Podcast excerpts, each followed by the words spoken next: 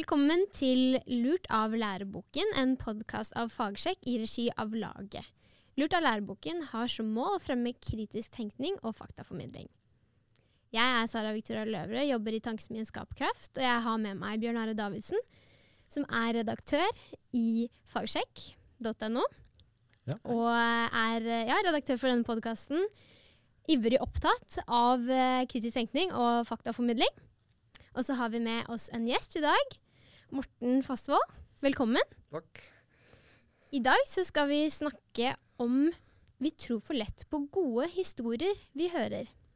Om det er i lunsjen eller læremidler eller i populærvitenskapen. Og særlig når disse historiene støtter de holdningene som vi allerede ha har.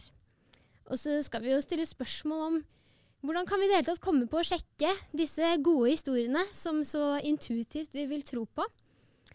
Og det er jo derfor du er gjest her i dag, for du er opptatt av disse tingene her, og særlig dette med å sjekke gode historier. Eh, jeg skal bare fortelle litt om deg. Eh, du har hovedfag i filosofi, filosofi fra Universitetet i Oslo, og kaller deg selv en filosofisk praktiker, har jeg hørt. Mm. Du har forfattet tre bøker, bl.a. om kritisk tenkning og humanismes idéhistorie. Og du har jobbet og holdt mange foredrag for Human-Etisk Forbund. Eh, Bl.a. foredrag om myter og kritisk tenkning i møte med den gode historien. Så dette gjør jo at du er en perfekt gjest hos oss her i dag. Så igjen, velkommen. Takk. Eh, Jeg kan jo også skyte inn at jeg har jo også bakgrunn som journalist. Ja, ikke sant? Eh, Jeg har jo journalistutdanning, Mm. og jobbet en god del år som journalist. eh, Riktignok mer i ukepressen enn i dagspressen. Men dette her med å sjekke en god historie Mm. eh, drive journalistisk arbeid, har jeg jo også gjennom det, da.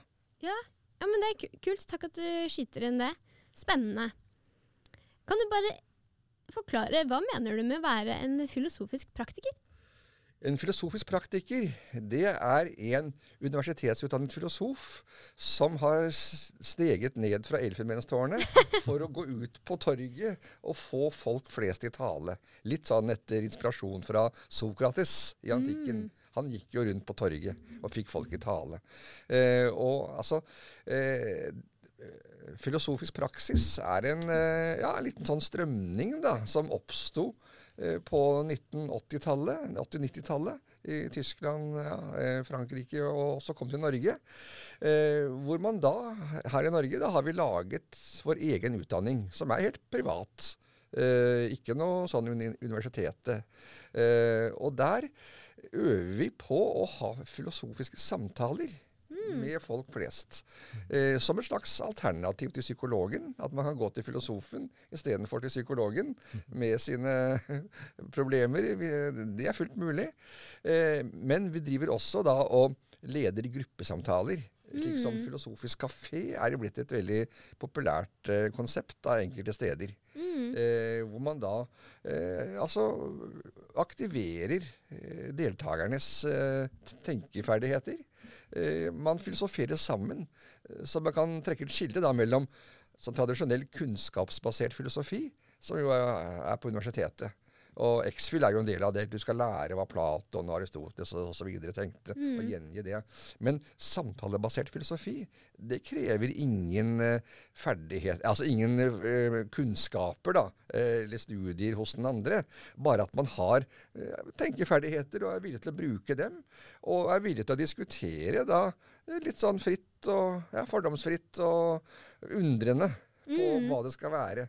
Eh, og, en grunntanke da, i filosofisk praksis er at eh, selv de største, mest sånn abstrakte, høytravende filosofiske spørsmål er på en måte jorda i levd liv. Altså, og det er å finne denne jordingen, og det å pendle mellom det konkrete, hverdagsnære. Ikke sant? Det er noe man kan ha opplevd helt konkret, en situasjon, eh, som gjør at man da undrer seg over noe, og så kan man da liksom, trekke et generelt spørsmål ut av det. Altså, det var nettopp det Sokrates gjorde, da, ifølge Platon. Hvis man leser særlig de tidlige dialogene. Eh, så smalltalket han eh, på torget, og så kom han fram til ja, men eh, hva er det vi snakker om egentlig? Er det mot eller vennskap? ikke sant? Et sånt begrep, og hva er nå det? Eh, Og så var samtalen i gang. Ja. Eh, så det er eh, ikke, akkurat, ikke akkurat på samme måten, men altså eh, Vi prøver å undersøke da begreper i spørsmål. mm. tenke sammen. Ja, spennende. Jeg hadde jo tenkt til å spørre deg om liksom hva du brenner for mest, og du, du, kan si noe mer om det, men jeg hører at du har en lidenskap for å eh, liksom gjøre filosofi tilgjengelig for folk flest, og kanskje hjelpe folk å tenke litt og gi dem språk for å Ja. snakke om livet. Ja. Både liksom ja, erfaringer nære her nå, men også at man kan koble det til en tradisjon av folk som har tenkt før om livet og Ja, eh, altså En sånn fristelse man må unngå da, når man leder en eh, filosofisk samtale, det er å bli for belærende. mm, Eh? Og, og det er også noe man må si til deltakerne. At man, skal ikke, man skal ikke skilte med liksom hva man har lest. Altså, hva er det du tenker? mm, Right, du kan ha lest Aristoteles, men hvis du refererer han Ja, men mener du det samme? Ikke sant? Mm, Eh, slik at eh, Det er jo å stille seg mest mulig på like fot. Men samtidig så er det jo en, en sånn spørsmålskunst, da, for å si det litt pretensiøst. Altså, mm. Sokrates han utviklet jo en sånn eh, Han ble en kunstner han, i måten å stille spørsmål på, som var undersøkende, og som Mm. boret videre i noe, og som Mm. drev samtalen videre. mm. Eh, og det er det liksom å, å kunne da stille spørsmål som driver samtalen videre. Eh, det er eh, det som er eh, Mm. Og det er nesten som på en måte man kan eh, sammenligne med et ballspill. Sant? Du får ballen, og så må du bare sentre den dit du tror den eh, best hører hjemme. Det er flere muligheter, men du må liksom bare gjøre det sånn på Mm. sparket. Mm. Eh, og, og det er jo erfaring, rutine. Og, og man vet aldri hvordan en sånn filosofisk samtale utvikler seg. Mm. Så, og Det som er liksom en god opplevelse, er jo at eh, ofte så er eh, de som er med, de har ikke vært med på det før.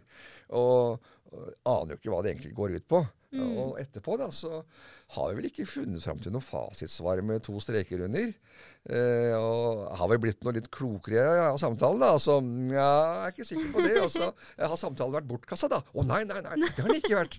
Ikke? Eh, for da har man liksom fått undersøkt spørsmålet videre, og eh, eh, sett på en måte nye innfallsvinkler mm. til det. Eh, og det var jo nettopp Sokrates eh, siktemål. eh, eh, at eh, han ville på en måte avlære folk eh, sånne litt feilaktige oppfatninger. Mm. For, altså, for man tror man vet noe, Mm. og så begynner man å undersøke det. Og så til slutt så kan det så står det sånn ved Sevs, Sokrates, jeg trodde jeg visste hva dette her for noe, men nå aner jeg verken ut eller inn. Vi får håpe at denne samtalen her da, Ja, ja. eh, oss og Ja. kanskje noen av lytterne eh, mer kloke. Sefs Ja, om ikke annet så er det i hvert fall ikke bortkastet. Og, og bare til det, et sånt paradoks, da. Ikke sant? At, eh, da kan man spørre da Hvem vet mest? Den som mener seg å vite noe helt bestemt? Eller den som har fått undersøkt dette her nærmere og har blitt mer usikker? Mm. Hvem vet mest? Ja, det er et uh, godt spørsmål. Jeg eh, synes selv at uh, altså, for hvert år jeg studerer, så blir jeg mer og mer usikker på hva jeg faktisk vet. Mhm. ja. Men uh, altså uh, La oss ta dette her inn på liksom, dagens tema med de gode historiene. Og du sier jo at liksom du utfordrer det vi allerede vet. Og noe av det med Det som jeg også nevnte i innledningen, er at vi har veldig lett for å tro på gode historier som som eh, støtter opp under våre holdninger og ting vi allerede tror, eh, som vi kanskje ikke engang vet at vi tror. Vi bare mm. intuitivt eh, tenker at sånn er ting. Eh, men du har jo blitt opptatt av å sjekke, liksom faktasjekke gode historier. Mm. Hvorfor begynte du å gjøre det? Ja, altså, det har jo med min journalistiske bakgrunn å gjøre. Mm. Fordi at eh, når man da skal skrive noe, publisere noe om virkelige personer, og komme med påstander om noe som virkelig har hendt, eh, så må man jo virkelig sjekke at dette stemmer. For ellers så kan man jo få problemer. Mm. Ikke sant? Altså, En ting er at man kan få, liksom, bli veldig rettesatt, da, men man kan til og med bli saksøkt, i hvert fall avisen. Så man må være forsiktig og ha, ha liksom dekning for det man sier. Så, så det går veldig inn i den journalistiske etos. Mm. Eh, og da er det jo slik at eh, ålreit, man hører på hva én kilde har å si, og, men altså, man må ikke uten videre ta det for god fisk. Mm. så må man tenke liksom Ja, eh, alle har vel en agenda på et sant vis, som man Mm. eh, ikke nødvendigvis sier eh, høyt. Eh, og man kan jo risikere å bli brukt eh, ikke sant? til å bare formidle noe uten at man skjønner at man, man gjør det. Ja. Eh, og for å sikre seg altså Det har noe med journalistisk håndverk å gjøre. Mm. Og, og bare sjekke at alt stemmer. Og hvis ikke, komme tilbake. Hva, med det, da? Hva med det? ikke sant? Mm. Og, eller da finne en annen person som har en annen mening, mm. for at, som kan utdype saken. Eh, og at man liksom i størst mulig grad får til det. Det kan jo ha litt med sånn sakens natur og hvor lang eller kort tid man har før deadline. Men altså, eh, dette er en slags etos, da. At eh, man kan ikke bare la noen bli, bli et mikrofonstativ for noen som bare får snakke uimotsagt. Og, Mm. Eh, nei, man må være kvalitetssikre ved å sjekke om dette her faktisk er er hold eller ikke. Ja. Er det innen journalistikken, for, du, eh, for jeg hører at du, det var der du liksom ble bevisst på dette, har man noen, eh, noen tydelige liksom, regler eller metoder for å unngå å bli brukt som på en måte, for en annens agenda? Er det liksom noen tydelige sånn ABC for journalister for å unngå det? Altså, altså, altså det kommer jo an på liksom, hva sakene er. Altså, hvis man snakker med en politiker, så er det jo opplagt at denne politikeren har en agenda. Mm. Eh, og, og vinkler en sak, og gjerne en historie, som passer med det politiske standpunktet. Det, det er jo en del av gamet, det. ikke sant? Altså, det er jo det en politiker skal gjøre. Mm. Eh, og da er det jo at man da ikke sant, Alle sånne debatter, Dagsnytt 18 osv. At man trekker inn folk med et annet synspunkt, som at det, ikke den ene blir stående uimotsagt. Men så kan det jo være mange andre aktører som ikke har eh, en sånn klar uttalt agenda. Eh, så man skal være ja, velvillig, eh, selvfølgelig, men også litt skeptisk. Det var jo jeg vet ikke om du har sett noen sånne gamle krimfilmer med Humphrey Bogart. Eller Sånn eh, Sam Spade eller sånn Philip Philip og Sånne hardkokte detektiver. Og første bud var 'Never trust your client'. Mm. Ikke sant? Kommer liksom en dame eller hvem det er nå, er i nød og liksom 'Du må løse en sak for meg.' Og så ja, har hun en agenda som eh, Skal hun bruke meg på et vis? Og, og disse film noir det handler jo gjerne om det, da. ikke sant? Mm. så, men dette her og, øh, Det høres veldig kynisk ut, men at det, det er en sånn sunn skepsis. Altså at mm. uh, Ja, folk har sine agendaer. Det må vi være klar over. Og så må vi bare prøve å finne ut mest mulig sånn uh, på et selvstendig grunnlag, da, hva dette kan handle om. Ja, og, eh, så dette var jo litt som en eh, journalist, men som folk på den andre siden, de som eh, leser og forskjellige historier, og ja, som ikke er journalister og mm. trent i dette her. Mm. Eh, hvordan eh, burde vi gjøre det? Hvordan, folk som ikke er trent Ja, liksom hvordan kan vi passe på at vi ikke faller for gode historier, eh, og bare, ja, tar Ja. eh, Ja, det er jo altså selvfølgelig å lese andre aviser som er av annen mening. Det er et opplagt svar, men det er jo ofte grenser for hvor mye tid folk har til rådighet, og økonomi og det hele tatt. Eh, men altså å utvikle en sunne vett og dømmekraft kan høres dette rimelig ut, det vedkommende sier, eller hva dette handler om? Stemmer det sånn overens med hva jeg ellers vet om verden? Eller, eller er det noe rart her? Ja, altså utvikle på en måte den å Og spørre seg selv om dette her. Eh, ikke bare uten videre godta. mm, Eh, eh, og eh, ja, altså bare sånn Vi ser jo i dag at det et uhyre grelt eksempel eh, på hvordan eh, folk berøves denne muligheten, nemlig i vårt naboland Russland. mm, Altså, det var det første Putin gjorde da han skulle stramme til.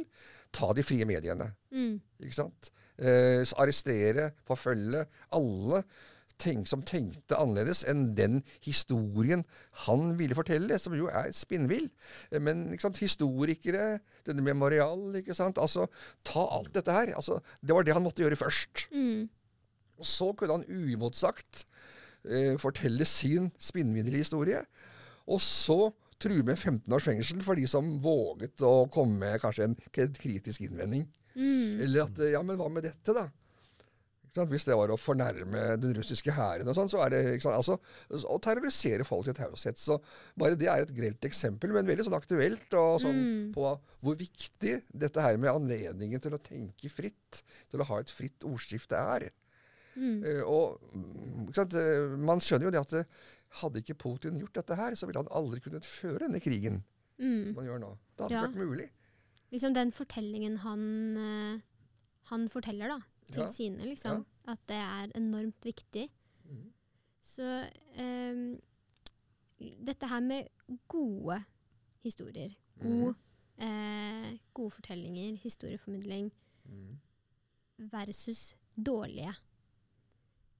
Hva, hva er det som er så Hva skal man si? At det står kanskje litt ekstra på spill når de er gode. Fordi hva, hva skjer med oss? Liksom, har du noen Ja, altså, tanker om det? Hva, hva mener du med en god og dårlig historie? Altså, bare Jeg forstår det sånn uten videre at en, en god historie er en historie som fenger. Ja. Mens en dårlig historie er en som folk liksom faller litt av lasset på og ikke gidder å lese videre eller høre videre. Er, er det det du mener? Mhm. Ja. Eller er det, Ja, Ja. jeg tenker det. Liksom en, en fengende historie som er lett lett å tro på, da. ja. Jeg Så tenker jeg, er det lettere å kanskje bli lurt da? Bjørn Are? Jeg, jeg tenker også at uh, en god historie er noe som på en måte appellerer. Da. Altså Ja, At du rett og ja. slett føler at den treffer, og den stemmer, og du på en måte blir litt ja, glad eller styrket etter annet du selv står for. Du Mhm. nevnte holdninger, ikke sant? Uh, kanskje også livssyn, for så vidt. Henger sammen ting her, da. Men, Mm. men for det som uh, jeg, jeg tenkte i hvert fall, Det som imponerte meg med deg, da, det første gang så noe du hadde skrevet, var jo nettopp at du hadde en artikkel, eller et foredrag var det kanskje, om kunsten å sjekke en god historie. Og det var da til og med holdt på var det landsmøte? Det kan godt hende. i Human-Etisk Forbund. Det kan godt hende. Ja, og, og, og, da liksom tenkte jeg jeg skvatt litt, for jeg så at du gjorde jo en del av de tingene jeg er glad for å gjøre, nemlig å ta et lite oppgjør med det som du kalte da de gode historiene, i, i, som, ja, innenfor livssynshumanisme og hva det måtte være. da, Mange, Kanskje det som en stund ble kalt for nye ateister og litt sånn forskjellig. Mm, ja. Så, så da, da tenkte jeg at uh, det, det, det som var greia der, var jo at dette var gode historier som, liksom i motsetning til hva du kanskje liksom har som ideal her, da, ikke man kom på å sjekke. Mm. Nettopp fordi de var gode historier. Mm. Så, så hva liksom tenker du om, om, om det at, at vi har historier vi ikke kommer på å sjekke? Altså, det kan jo være noe sånn eh, som skjer i kampens hete. Altså, Ja. du, du må se denne historien i en kontekst, da. En større sammenheng.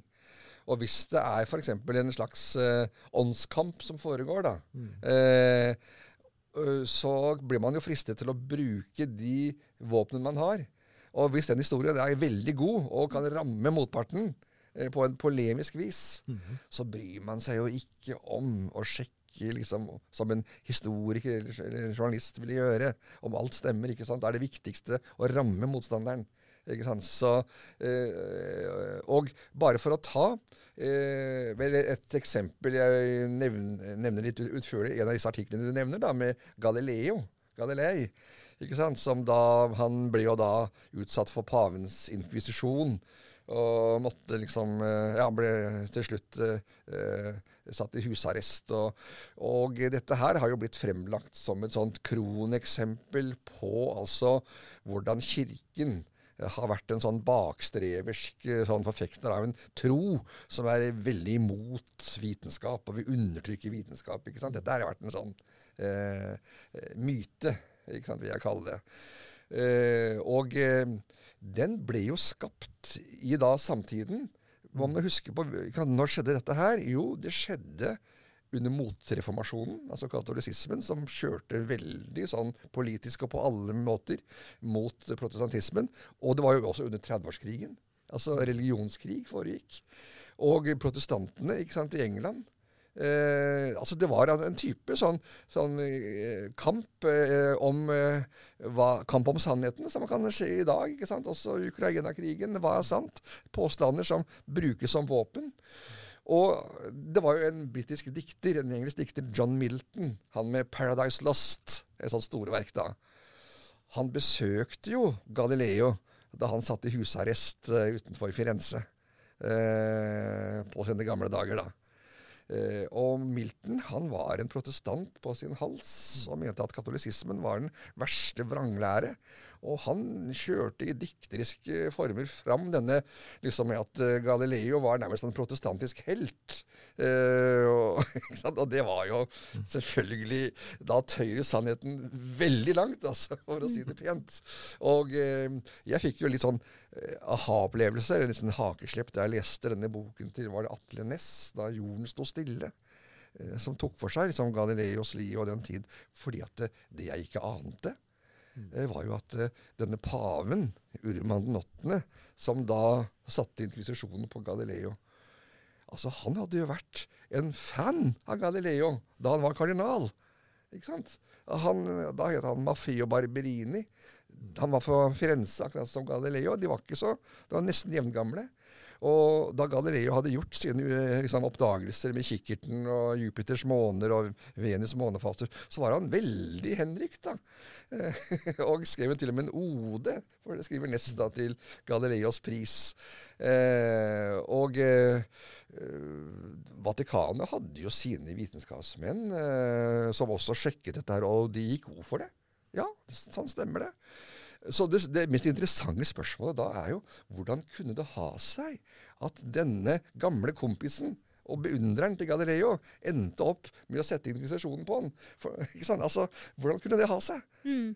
Eh, det er det interessante spørsmålet der. Mm. Ja, det, det, er veldig artig å lese både Ness og andre som har skrevet om dette. Det er blitt ganske ja. mange etter hvert. Men det som jeg undrer meg over, er at man fortsetter å ha de gamle versjonene i læremidler ja. og i mye populærvitenskap. Ja. Og, og hele opplegget der med at uh, Galilei kunne jo ikke engang bevise denne teorien sin. og Han har jo til og med feil med sirkelbaner mot Keplers ellipsebaner. og han ja, ja. tidevannet viste ja da. ja da, det stemmer det. Så, så, så det liksom, eh, jeg tenker at uh, denne påståeligheten hans da, ja. var litt ille ha. altså Han var liksom opptatt av å vise seg fram hele tiden. Og paven var litt samme typen. Ikke sant. altså, og for dette her som jeg skriver i den artikkelen, ja. i denne eh, boka, da, om idéhistorie, at det, dette her burde heller ses på som en eh, krangel mellom to gamle kompiser som fikk et ulykksalig utfall. Og det, og det, er noe ganske annet enn en åndskamp mellom tro og viten. Mm. Fordi at det, nettopp Galileo han var han, høy på seg selv. altså. Han var en litt sånn stort ego, og han ville på en måte liksom skinne. Og han ville Ja. Eh, og denne Barberini, eller Urman den åttende Altså Da han ble pave, så fikk han jo så veldig mange politiske hensyn å ta. Ikke minst, eh, så vidt jeg skjønner, Spania, som holdt på å trekke seg ut. ikke sant? Og de var de mest konservative innenfor den katolske leir.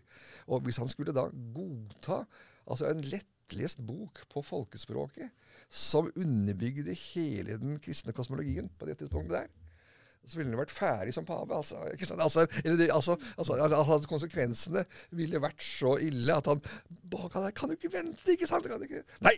ikke sant? Mm. Og, og, da ble det en slags sånn tvangssituasjon, da. Uh, og, altså, Jeg forsvarer jo ikke paven på noe vis, men jeg kan skjønne det. Mm. Liksom, man, da, da, ser man en helt annen situasjon. Uh, og for meg var liksom det litt gjennombruddet var at det, det var en opplysning jeg ikke visste. Og det var nettopp dette vennskapet mellom da Barberini og Galileo før han ble pave. Mm. Det ante jeg ikke noe om. Ja, Det endte jo også med altså Man kunne jo tenke ut fra det ryktet som mange har av kirken på den tiden, at, at Galilei hadde havnet på bål eller noe sånt. Ja. Han havnet jo da i ja. husarrest ja, på et ja. privat gods. Jeg har vært der. altså sånn uh, Flott høyde utenfor Firenze. Jeg regner med at det er der. Det sto en plakett, i hvert fall. ikke sant? At uh, det var familien som leide dette her til ham. da, så ja, jeg Håper han fikk lov til å gå ut og kikke på utsikten. Du ser nedover hele Firenze sentrum. Fikk visstnok også anledning til å reise til å besøke legen sin. Ja da. Og så fikk han i hvert fall ta imot besøk, bl.a. av John Milton. da. Mm. Uh, Men ja. altså dette her uh, Er det derfor du ville skrive om uh, humanismens idéhistorie? For å rydde opp litt sånne ting som, som det høres ut som at du fikk lære deg, og som kanskje satte historien i et litt nytt lys, eller? ja, delvis. Altså, nå hadde jeg jo allerede skrevet disse artiklene som du refererer til. så det var jo litt sånn underlag for denne boka, som har et litt annet fokus. men For, for da, altså eh, Denne humanismens idéhistorie, da prøver jeg jo å eh, spore den ikke-religiøse humanismens røtter. da. Eh, Man må jo trekke et skille her. For det er jo det er klart du, finnes, du har en kristen humanisme også. Mm. Eh, og så har du en ikke-kristen humanisme, en sekulær humanisme. Eh, og det er jo svart skrevet bøker om denne kristne humanismen. Eh, Grundtvig og folkehøyskoler og ja, ikke sant. Og, og denne dannelseshumanismen på 1800-tallet særlig. Eh, men den ikke-religiøse humanismen har det vært skrevet veldig lite om. Mm. Eh, og eh, så fikk jeg jo dette vil jeg si, ærefulle oppdraget da, fra Humanist Forlag. Om, når de spurte meg om jeg ville gjøre det. Jeg hadde ikke gjort det ellers. da. Eh, så ja ja. Jo jo. Så, prøver meg på det.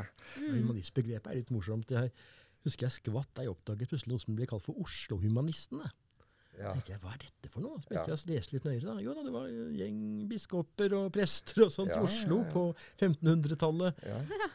Så det var liksom eh, noe helt annet eh, som ble lagt i begrepet humanist, Ja. enn det som man var mer vant Ja, til i, i dag. Ja. Skal, Humanist er jo et veldig sånn mangslungent begrep.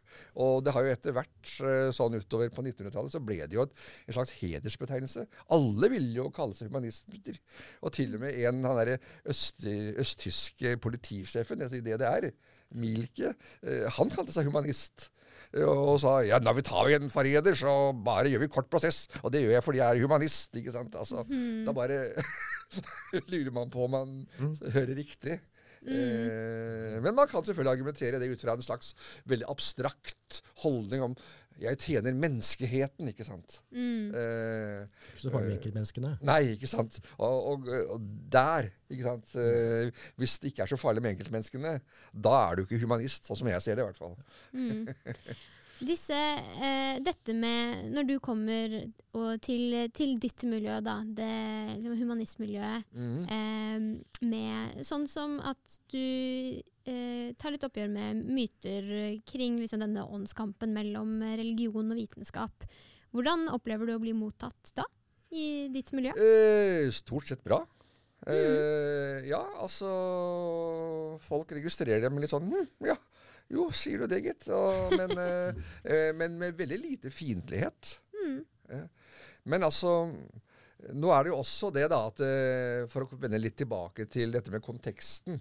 For, for at eh, det er, Særlig når vi også tar denne med Galileo, så ble jo den gjenopplivet, den myten, da evolusjonsteorien til Charles Darwin ble lansert da, i 1859.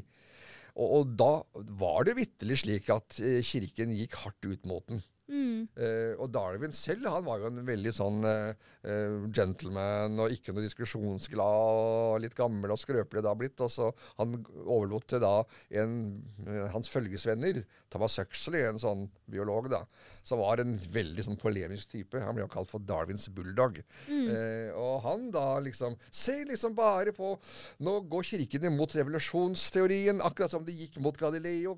Kirken har alltid vært motstander av vitenskapelige fremskritt. eh, en reaksjonær kraft. ikke sant? Og, og, ja, og det kunne jo se sånn ut akkurat sånn rundt 1860. Det var annet et sånt berømt debattmøte.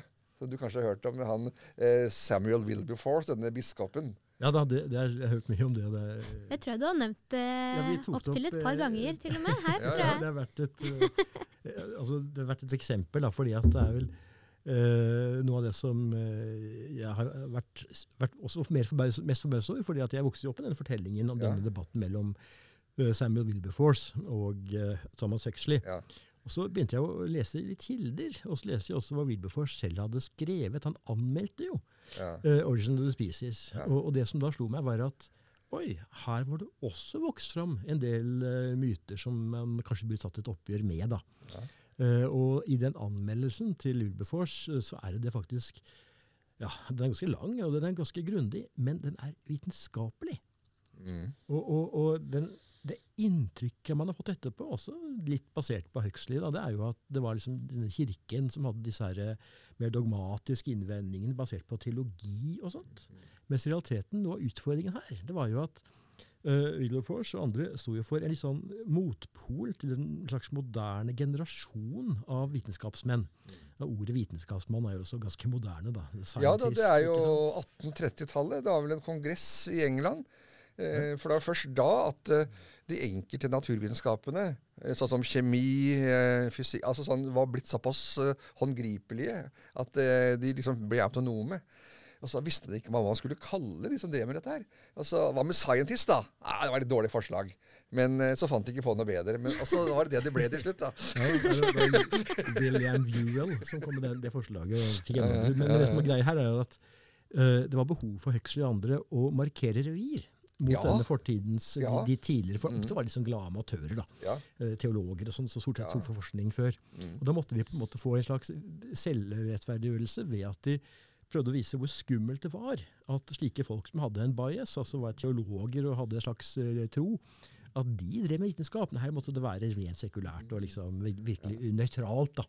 Og da hadde man et behov for å fremstille datidens kirke som eh, noe mer bakstreversk, også i samtiden. Ja, eh, helt klart. Men så hadde vi altså på den, den, den legendariske replikken da, til eh, Samuel Wilberforce på dette møtet, var vel sånn Si meg, var det på farssiden eller morssiden at de stammer fra apene? Ikke sant? Og det er en fantastisk god replikk. ikke sant? En drepende sånn som i en sånn polemisk debattsammenheng.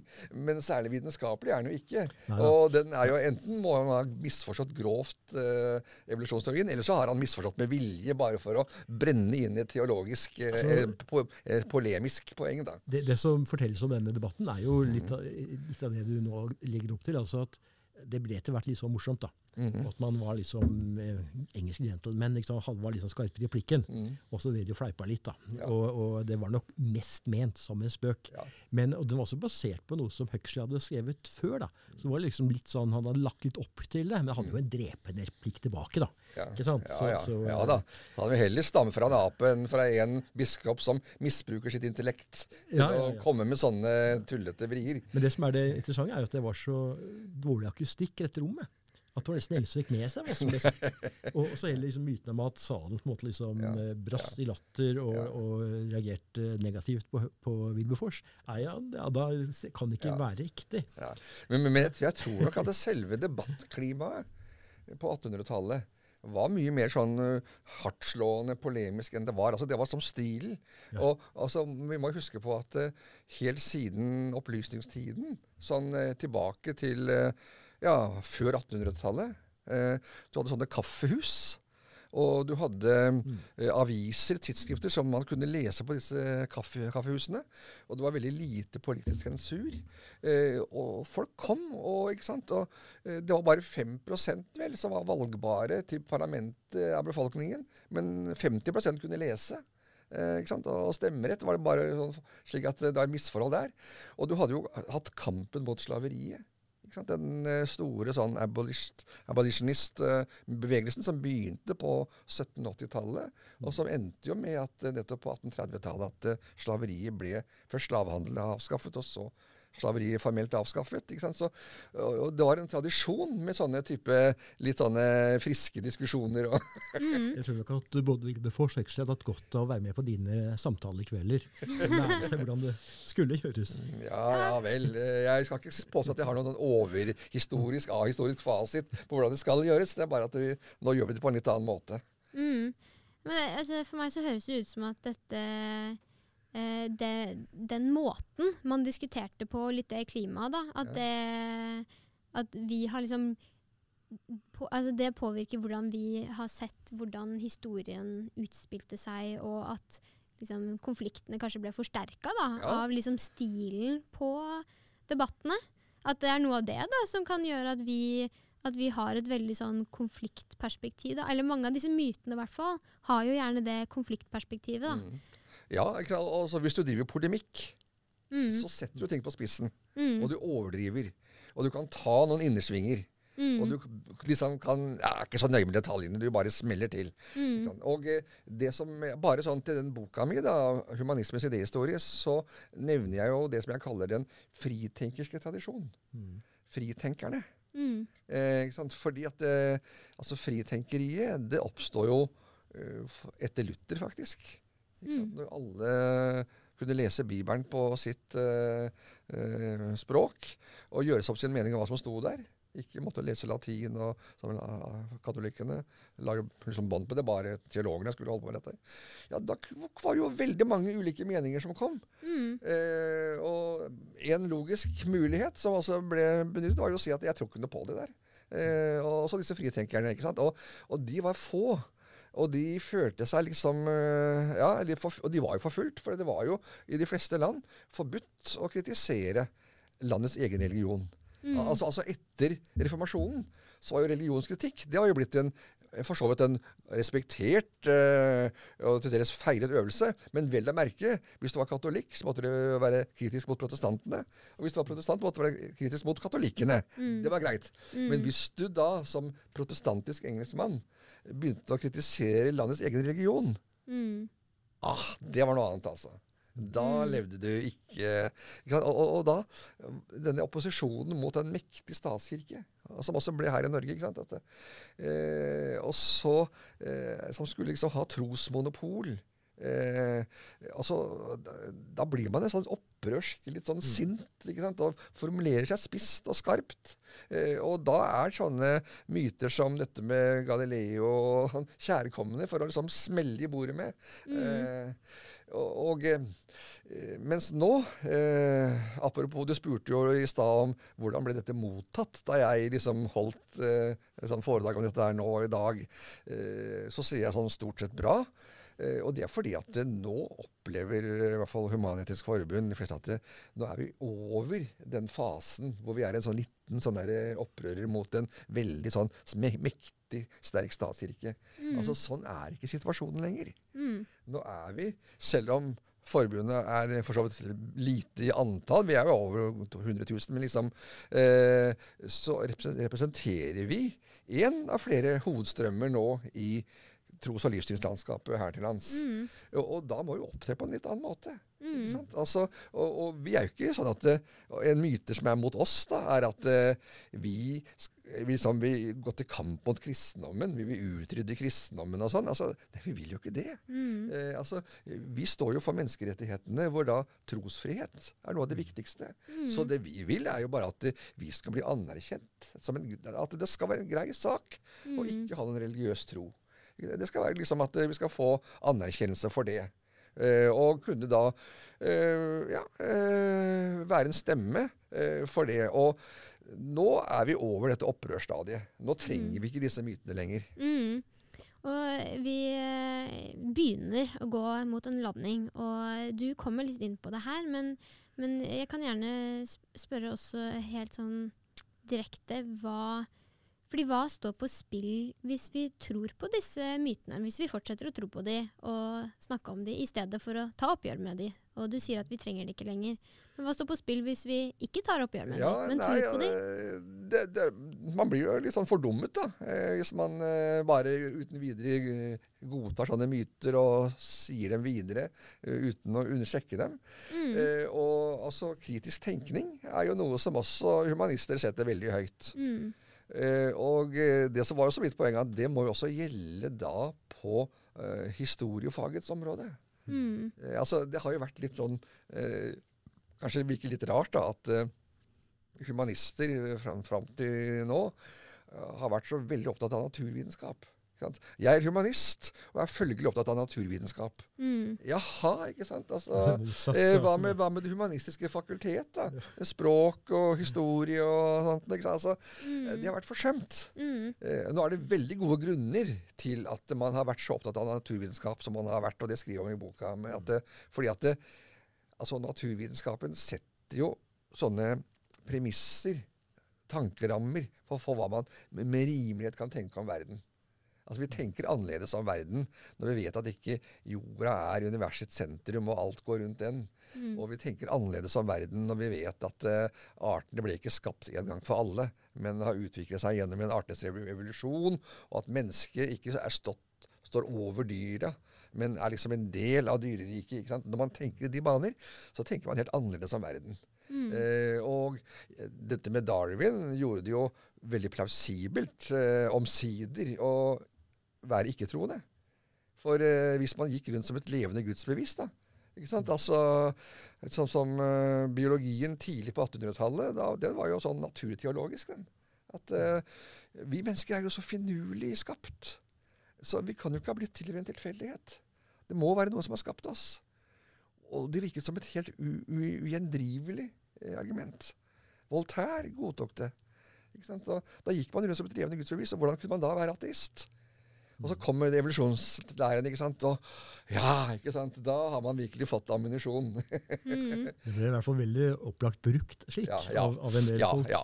Så, men det interessante var, og her var jo også at ganske mange kristne støttet jo Darwin. Ja, og uh, han fikk jo, vi må ikke glemme at han, han døde vel da, sånn på 1880-tallet og fikk jo en virkelig sånn kjempebegravelse. I Westminster Abbey. Ja, ved siden av Newton og sånn. slik at uh, da var han jo fullt anerkjent. da. Mm. Jeg, har også latt meg fascinere av en amerikaner som heter Asa Gray. Som ja. var en uh, dypt troende kristen som faktisk var den som fikk spredt Darwin til USA. Ja. Og, og, det er en del sånne liksom, paradokser ja. i uh, vitenskapshistorien og idéhistorien som kanskje ikke er like mye framme som de burde. Altså at, at uh, dette som du sier, at man nå fikk en slags uh, god intellektuell um, bakgrunn for å være ateist eller ikke-troende, hva man skal kalle det for. Uh, det stemmer helt sikkert, men samtidig så er i hvert fall noe av det, og det bør vi kunne ta opp i et annet program, uh, være noe som hang sammen med et ny syn på liksom det at hvis noe hadde skjedd naturlig, så kunne ikke Gud stå bak. Mm -hmm. Mens man da i middelalderen og før det hadde nesten det motsatte syn. At det at noe skjedde naturlig, var nærmest et bevis på at Gud sto bak.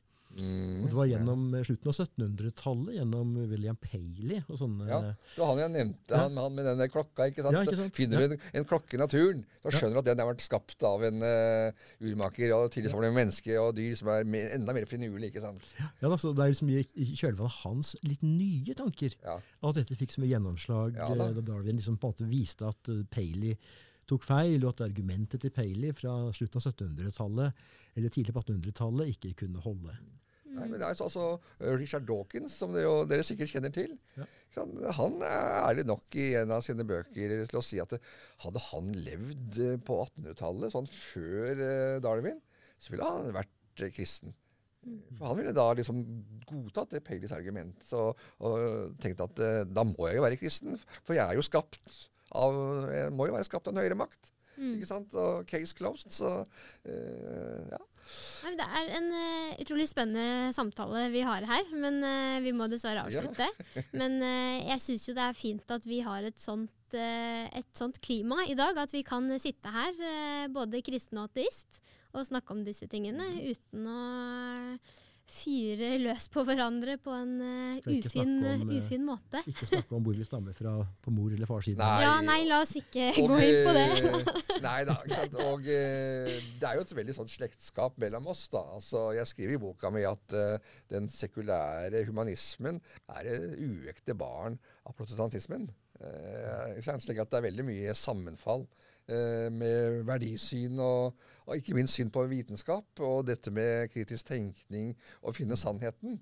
Eh, så jeg syns vi kan eh, veldig gjerne fokusere på dette sammenfallet istedenfor det som er forskjellig, som gjerne er religiøse dogmer. Ikke sant, mm. Som ikke vi deler da, men vi deler mye annet. Mm. Takk at du ville være med oss i dag, Morten Hasvold. Og takk til Bjørn Are, som alltid. Eh, neste gang har du en plan for da? Ja, eh, det er jo litt sånn uklart hva vi får til av folk som kommer med klokkeslett og sånt. da, Så jeg håper at det går i orden. med at vi neste gang kan få en uh, som er rettshistoriker. Mm. Uh, og har jobbet en del da med hva som faktisk skjedde i middelalderen med den norske landsloven som jo skal feire 750-årsjubileum i 1024, nei, altså i 2024. Ja. eh, som ble, ble, laget i ikke 1024, det er, det kristenretten som, som, har jubileum eh, etter. Men eh, den eh, vi da har på besøk, så har mye spennende å si om dette. Også da om kvinners eh, stilling i middelalderen. Ja, spennende. Da, med det sier jeg takk til dere som har lyttet til oss, og eh, følg med for uh, den episoden som Bjørn Are forteller om, og andre episoder. Og også sjekk oss ut på sosiale medier, fagsjekk.no.